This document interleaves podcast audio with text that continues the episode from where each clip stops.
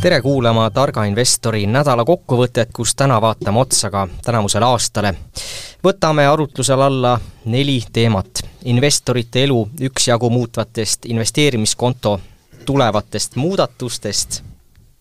börsiaasta ennustustest ja miks need sageli puusse panevad. räägime, mis meile endile lõppenud aastast meelde jääb ning viimaks vaatame, mis arenguid me kahe tuhande kahekümne neljandal aastal huviga jälgime. mina olen Kaspar Viira ning koos minuga on stuudios Richard Mägar ning Priit Pokk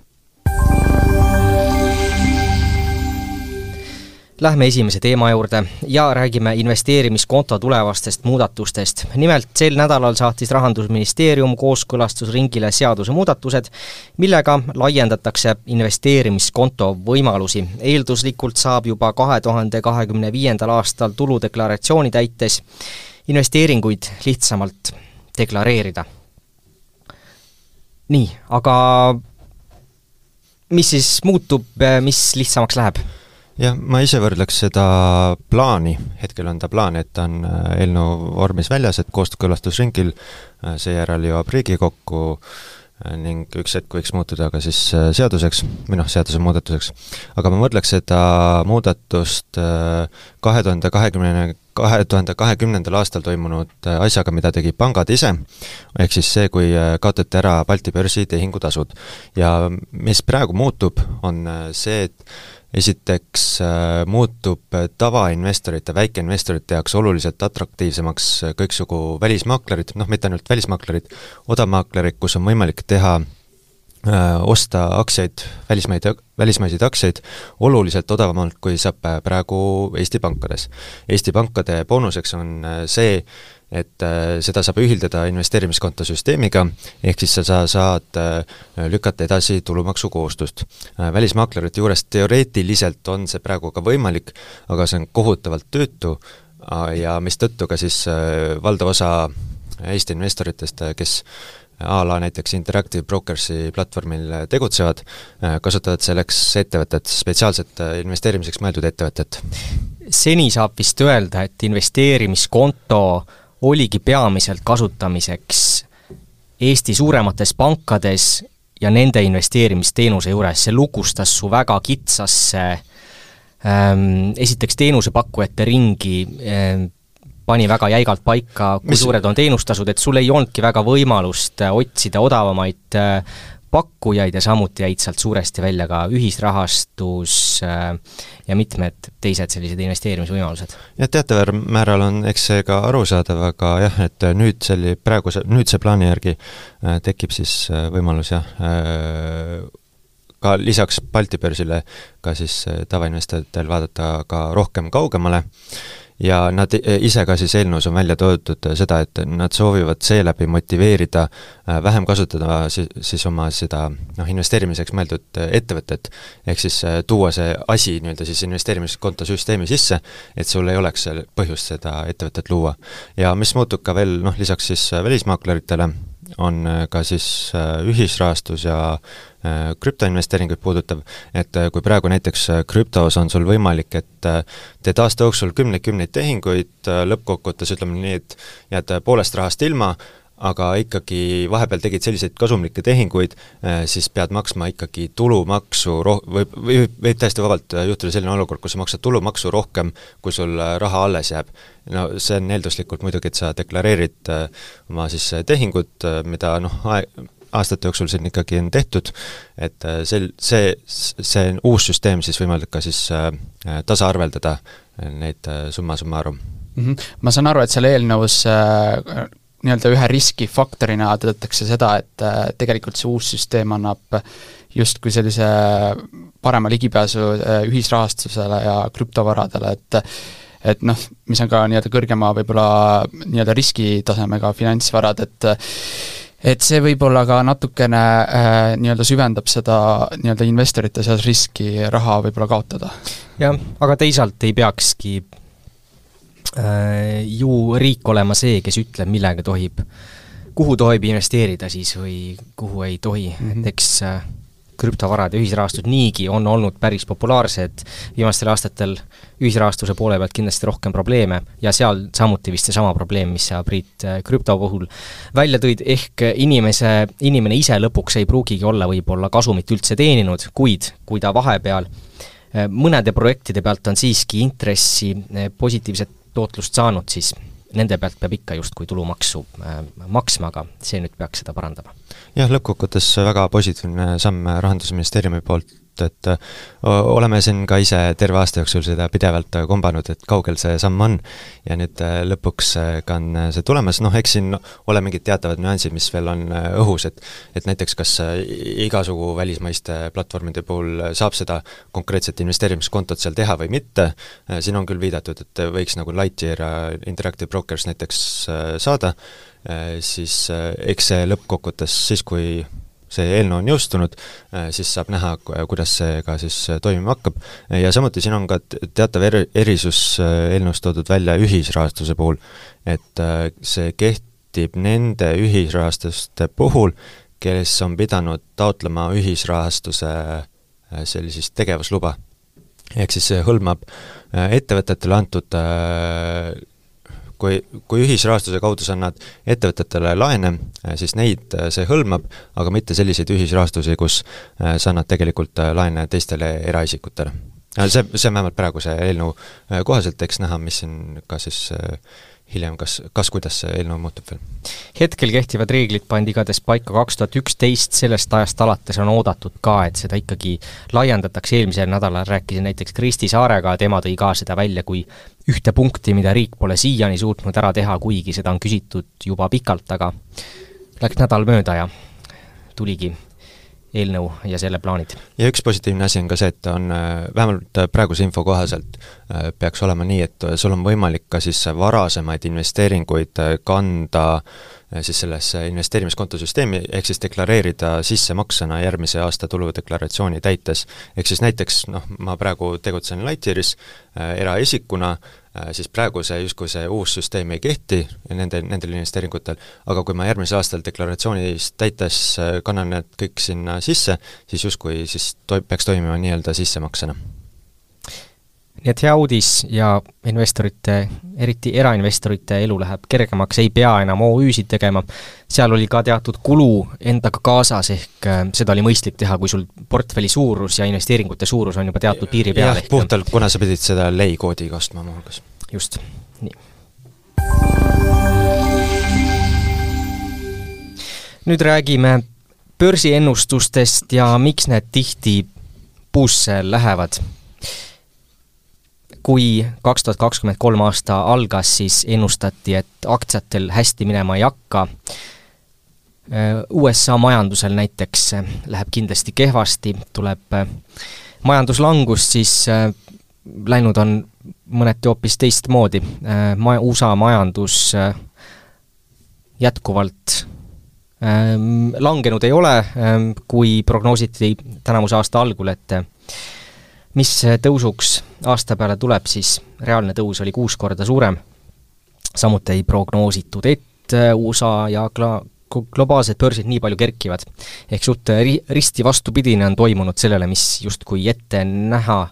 ähm, oli veel aasta tagasi ähm,. Miks siis nii läheb, miks lähevad ennustused puusse?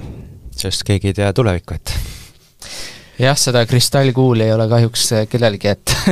et näha, mis aasta jooksul äh, täpsemalt juhtub. aga ma arvan, et turgudel ongi see huvitav alati, et äh, et olukorrad on nii-öelda ettenägematud ja ja noh, see aasta võib kindlasti öelda, et on olnud võlakirjade aasta mitmes mõttes, et fookuses kas või siin meie Balti riikides või või USA-s, et, et võlakirjadesse on ikkagi suunatud päris palju investeeringuid ja raha jah, mõneti sellega, et äh, kunagi ei tea, mis tulevik toob, võikski selle teema nüüd siin on ju kokku võtta. Äh, aga, aga jah, et eks, eks see tõsi on, et mõneti tulebki niimoodi skepsisega vaadata, kui tuuakse välja no see on lihtsalt äh, üks, üks sellise investeerimise paratamatu osa, et et sul tuleb ette korrektuure, langusi, kui vaatame tänavusele aastale tagasi, siis tegelikult see ei olnud selline ühtlane rühmine üles, vaid seal on, on olnud ka selliseid teatavaid võbelusi. Esiteks oli kevadel toimunud panganduskriis, kus oli kartus, et juhtub midagi väga suurt, Äh, SVB, Silicon Valley Banki siis ähm, kollaps võiks kanduda edasi ka teistele pankadele, äh, kuid õnneks seal Föderaalreserv otsustavalt äh, sekkus ning suurem kriis suudeti vältida. ja mul endale näiteks meenus selle SVB-ga ka siin üks ähm, paari aastakümne tagune juhtum, kus teatud mõttes toimus analoogne stsenaarium, kus Long Term Capital Management, selline investeerimisfirma, oli kokku kukkumas Äh, ja mis nende puhul eriti selline valus aspekt oli see, et nad olid väga palju üle võimendatud. ehk siis kui see oleks juhtunud, siis äh, kontrollimatul kujul äh,, siis see oleks toonud äh, ka järelmõjusid kõikidele teistele turuosalistele. küll aga otsustavalt äh, sekkusid äh, siis äh, nii Warren Buffett kui ka Föderaalreserv, äh, kes suutsid siis long-term äh, selle olukorda nii-öelda päästa, normaliseerida ning seal toimus selline väikene võnge alla, selline ligi kahekümne protsendine korrektuur siis üheksakümne kaheksandal aastal, aga lõppkokkuvõttes turud rallisid pärast seda edasi. ja no SVB puhul samamoodi, et korraks tuli selline suurem ehmatus, aga lõpp, sealt mindi jällegi edasi. ja kevad, siin sügisel oli veel siis teine asi ka muidugi see kartus jällegi, et et need pikema, ajaliste võlakirjade tootluste ralli, kus oligi jällegi kartus, et jälle midagi läheb katki. aga kuna inflatsioon leevenes, siis äh, seetõttu äh, need äh, kartused siis kadusid justkui ja muidugi, mis on ka täiesti siin vahepeal ära unustatud, et vahepeal oli ka kartus, et USA võlalae osas, et kas USA muutub maksejõutuks, mis praegu jällegi täiesti on nagu meelest ära läinud. üks on aga sama püsinud tänavuse aasta algul oodati, et Föderaalreserv enda intresse langetab, tõsi, selle põhjusena nähti pigem seda, et lähebki miskit majanduses katki, siis nüüd on see tugev ootus jätkuvalt olemas ja põhjuseks pigem see, et inflatsioon on oodatust äh, rohkem äh, langenud ja Föderaalreserv ise ka vastupidiselt aasta algusele ütleb,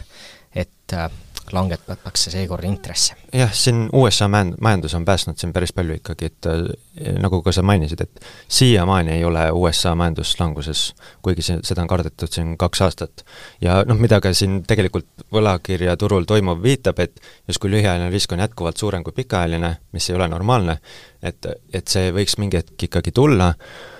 küll aga jah, äh, siin senimaani on läinud hästi, eks näha, kas uuel aastal on midagi teistmoodi või mitte, aga mis kindlasti ka seda aastat päästis, oli siis äh, tehisintellekti ralli, mis vedas siis suuri tehnoloogiaaktsiaid ja kes vedasid omakorda siis SB viis, viitesadat ja omakorda ka siis veel maailma aktsiaturg, et see on olnud selline üks oluline tugi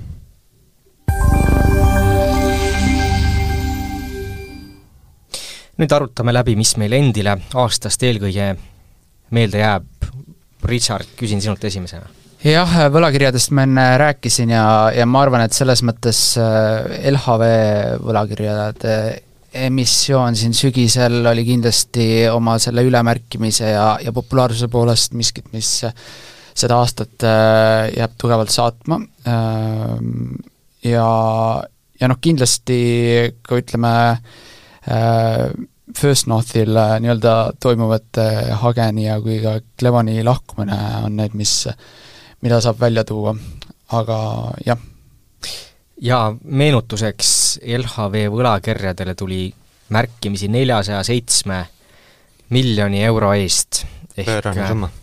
kuueteistkordselt siis äh, märgiti selli-, oodati küll ülemärkimist, aga et äh, sealt selline huvi tuleb, äh, seda vist keegi ei prognoosinud? noh, selleks LHV ise tingis ka selle, kuna pakkudes äh, võrreldes siis muu turuga ikkagi oluliselt kõrgemat intressi, kümme pool protsenti, ja mis oligi see nii-öelda maagiline piir oli ületatud, et see intress, mida pakuti, oli kahekohaline ja LHV on justkui noh, hästi tuntud pank ja tundub turvaline ja seetõttu siis toimus selline meeletu tormijooks. Mhm. Sellest ajast saati on pakutud intressid jäänud väiksemaks, prognoositakse ka, et siin uue aasta alguses juba äh, pakutakse veelgi väiksemaid intresse, ehkki investorid on nõus ka üksjagu väiksema intressiga, et kui vaadata siin selliseid riskantsemaid äh, pakkujaid, on see Utekredit või või, või väiksematest veel Inbank, siis nemad ei olegi pidanud isegi Euriboriga või intressitõusudega võrdselt seda intressi juurde pakkuma, ikka võetakse. selles mõttes huvitav. Omalt poolt lisaksin ühe punkti siia näiteks Eesti kinnisvara. pidevalt, mõtlen, kas on olnud aastat, mil keegi ei prognoosiks, et nüüd ikkagi Eesti kinnisvaraturul ei tule krahhi, selliseid pakkumisi vist on pidevalt üleval, vähemalt mäletan ka enda puhul, kui ma olen kodu ostnud, siis juba Sellis... mitu aastat tagasi, no pidevalt, pidevalt on olnud kommentaar, et äh, tasub ikka oodata, tasub äh, äh, jah, oodata, millal odavamad hinnad tulevad, aga isegi nüüd, mil Euribor on tugevalt äh, kerkinud, ebakindlus on majanduses suur, siis äh, kinnisvarahinnad on püsinud võrdlemisi hästi vastu. Äh, teistpidi ma ütleks, et äh, praeguses turuolukorras on ostjal ikkagi oluliselt suuremat jõuõlga kui siin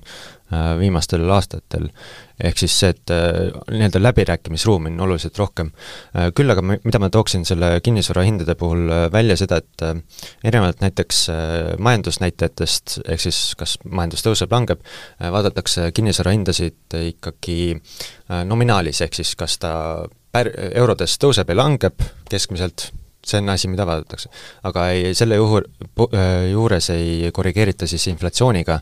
ehk siis äh, tegelikult kui vaadata nii-öelda ostujõudu, äh, siis selles vaates justkui on kinnisvara hinnad siin viimase paari aastaga tegelikult noh, alates siis selle kaks tuhat kakskümmend üks, kaks tipust tulnud oluliselt al-, alla. ehk siis see on nagu ka üks aspekt, mida selle juures tegelikult arvestada. ehk siis see on teatud mõttes, mida äh, Mihkel Nestor kasutas selle kohta äh, väga head terminit, see oli küll äh, majanduslanguse kohta, et on justkui nähtamatu hinnalangus äh,, noh, toona ütles siis nähtamatu majanduslangus, et, äh, et see, see ei ole nagu nominaalis äh, realiseerunud, noh, üldises, üldises printsiibis. just, et kui iga inimese enda vaatest vaadata, siis jah äh,, raha saab ta kindla summa iga kuu kontole, eks ta ole reaalne ka, et mis sa seal inflatsiooniga korrigeerid justkui, aga aga siin on jah, müüja ja ostja äh, vaatepunktid kindlasti väga erinevad äh,. Mis veel välja tuua? Kaks pankrotti, ei, vabandust, kaks lahkumist on olnud äh, Tallinna börsilt sel aasta. üks on Clevon ja teine, kas pakute ära? tuleb meelde? Baltika. jah. Clevon ja äh, Baltika mõlemad jätkavad siis justkui kaks lahkumist pluss siis äh, pankrot. pankrot ka ja siis Hagenbikes. kas soovite midagi pikemalt öelda, et selle kohta otseselt mitte, et Baltika puhul eks see võbelemine toimus siin või vindumine toimus siin aastaid ja aastaid ja aastaid ja aastaid, aga noh, see lõpp ei olnud väga ilus. ja noh, nüüd ta lihtsalt on liikunud uutele radadele ja noh, eks Clevani puhul ka samamoodi, et ega, ega ka neil börsiväliselt tihti ei ole, et et on vaja ikkagi neil suurt kapitalisüsti, mida nad minu teadmist mööda veel siiamaani ei ole saanud, ja lootsid, et äkki börsiväliselt õnnestub seda paremini kaasata, kuigi jah, siin viimaste aastate see keskkond on muutunud oluliselt keerulisemaks. Baltika puhul kerkis uuesti üles selline siinse investorkaitse küsimus. Et kas see hind, mida pakuti Baltika aktsiate eest, oli see siis siiski õiglane väikeinvestorite vaatest või mitte, kui saab siin ostja pool justkui ise DCF-analüüse teha ja öelda, mis see siis on? Seal oligi, oligi väga oluline küsimus on see, et selle siis diskonteeritud rahavoogude meetodil analüüsil äh, pandi see hind paika, aga mis selle puhul, puhul ongi see, et noh, teades, kuidas see metoodika töötab, ehk siis need, siis see mustaks kastiks jäid need, kõik need numbrid, mis seal taga on. ehk nii-öelda sisendid, sisendid, kust see kokku jooksis, jah? Ehk siis see, see osa jäi täiesti pimeduseks, ei, ei soovinud üldse avalikustada, mistõttu nii-öelda investoritel ei, ei osanud midagi öelda, et kas on õiglane hind või mitte. Mm. et ehk, selles mõttes jäi väga selline mõru maik suhu. ehk meenutuseks, see hind, mida aktsiates pakuti, oli ligi poole odavam, kui äh, aktsia börsihind oli olnud mitu, mitu kuud eelnevalt. Hagenbike'i pankrot vist ei saa öelda nüüd, et ka vist väga suure üllatusena tuli kasumisse ei olnud ettevõte siiani jõudnud ja investorite poolt investeerimisvalmidust samuti ei paistnud äh, First Northil, noh, ei pruugi see kindlasti viimaseks jääda. aga eks ole näha. Mhm. Äh, kas midagi veel sellest aastast? ma tooksin võib-olla natukene teist, teist laadi näiteid enda isiklikust kogemusest, et olen siin aasta jooksul kirjutanud kõiksugu äh, erinevatel teemadel, sealhulgas viidanud, et mingisugune üks või teine siis kas sektor või või ettevõtted on olnud hädas, siis on juhtunud selline asi, et mul mitmel korral on see, et kui asi, mingisugune, tume uudis jõuab siis ületab uudiskünnise, siis see on olnud justkui turupõhi. et näiteks ma siin sügisel kirjutasin roheaktsiatest, mis on se-, sel aastal väga palju pihta saanud, aga pärast seda, kui ma kirjutasin, on needsamad roheaktsiad hakanud rallima, pluss kümme protsenti on umbes siis indeks. samamoodi Helsingi börsi kohta, sellega oli kusjuures ka veel selline asi, et sel hetkel, kui ma kirjutasin, siis hakkas juba tõus vaikselt pihta, siis ma vaatasin, et et ega see, ega see uudis sealt ära kao, et et justkui oli juba hakanud tõus pihta. aga siis ka samamoodi pärast seda tõusnud umbes kümme protsenti ja siin kevadel kirjutasin ka näiteks hädast ärikinnisvaras, et seal sellest, et justkui Äh, mitmeid Euroopa ärikinnisvara ettevõtteid hinnati justkui üheksakümne protsendise allahindlusega ja nüüd, nüüdseks on äh, mitmed neist suutnud teataval määral taastuda börsidel ja kohati isegi rallinud seal sada pluss, äh, pluss protsenti, küll aga seal on ka selliseid äh, ikkagi äh, kehvemas seisus ettevõtteid, kes on ikkagi likviidsushädas. et see on jah, sellised huvitavad meenutused. ja endal ka võib-olla isikliku poole pealt äh ennast on olnud huvitav jälgida just äh, krüpto poole pealt, Bitcoin ja Ethereum, sinna ma olen varasemalt ikkagi äh, pikalt niimoodi vähehaaval raha tilgutanud. ja seda on just huvitav vaadata, et kui turg on põhjas ja pessimism on põhjas, noh siis minu mõtted sellest, mis on üldse Bitcoini või Ethereumi väljavaade, võib ka ikka kardinaalselt erineda aga ma saan aru, et praegu on positiivne see väljavaade? no nüüd, kui hind jälle tõuseb, siis ma mõtlen noh, näe, saab jälle asja ja pole midagi, panen jällegi enda maksed eh, sinna ilusti poole teele, aga aga vahepeal jälle paistab tulevik nii tume, et ei näe seal väga mõtet. Mm, et jah, päris, päris üles-alla käib, et huvitav, huvitav ennast niimoodi kõrvalt natuke vaadata selle poole pealt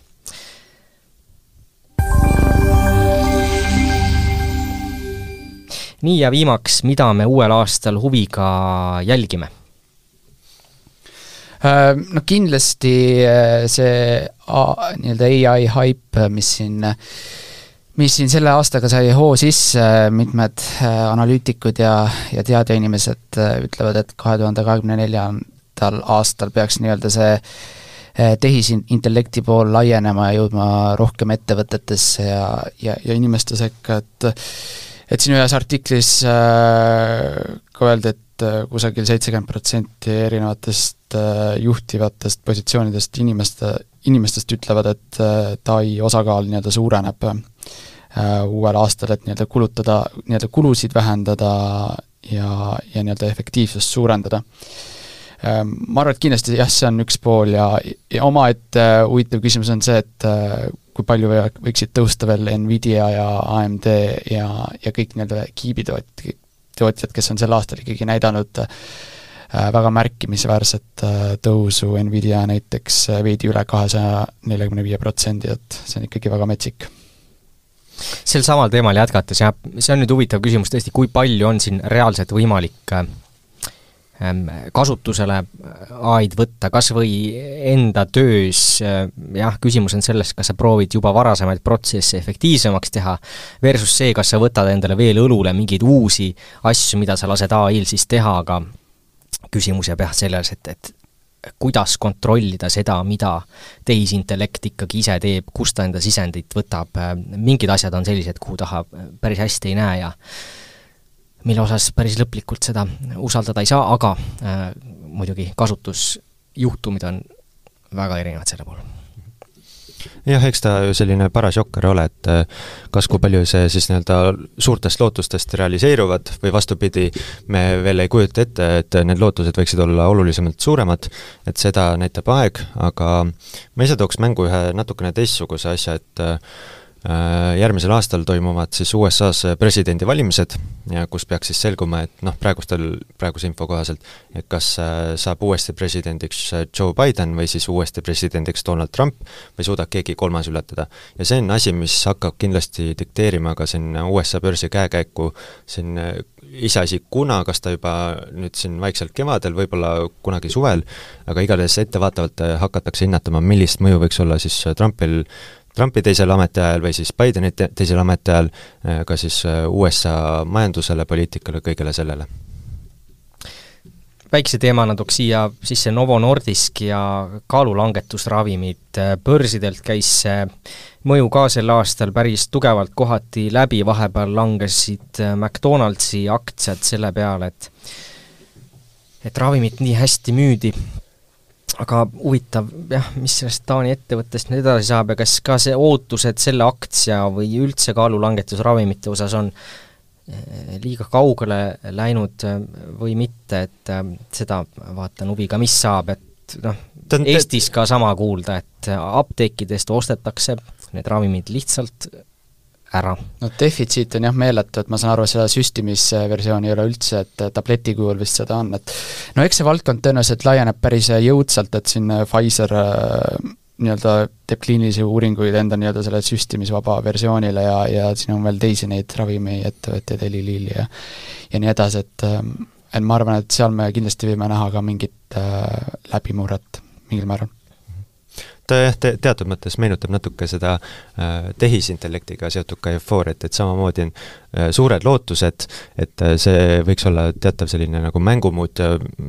omas, mitte ainult omas sektoris, vaid ka üldiselt, et mille mõjud uletuksid äh, ka teistesse sektorisse, sektoritesse, aga eks selles osas saab olema näha. välja tooksin ka Euribori, mõneti läheb kokku siin varasema teemaga, et ennustused ja miks need puusse lähevad, nüüd on turgudel tugev ootus, et äh, EKP hakkab enda intresse langetama, Euribori languseks on ka äh, tugev ootus, juba on see langenud, aga äh, kas langeb see sinna, kuhu turg seda hetkel näeb, ehk uue aasta lõpuks kaks ja pool, kaks koma kakskümmend viis protsenti, või jääb ta ikkagi sinna, kuhu keskpangad või keskpankurid ise pigem või ökonomistid seda näevad äh, tulemas ehk ikkagi kolme-nelja protsendi juurde jah, see toob kaasa siis äh, lisaraha nii ettevõtetele kui ka siis inimestele, mis võiks olla, pakkuda majandusele teatavat ikkagi tuge. iseasi, kui palju ta langeb, millal, kas sellega kaasneb ka mingisugune muud kõrvalmõjud, eks seda aeg näitab. aga ma tooks äh, mängu ka natukene siin rohkem ka kohalikke olusid, et et kui me siin aasta lõpus oli üks äh, IPO, Infortar tuli börsile, äh, siis äh, siin on mänginud ka mõned teised ettevõtted, äh, kohalikud suured ettevõtted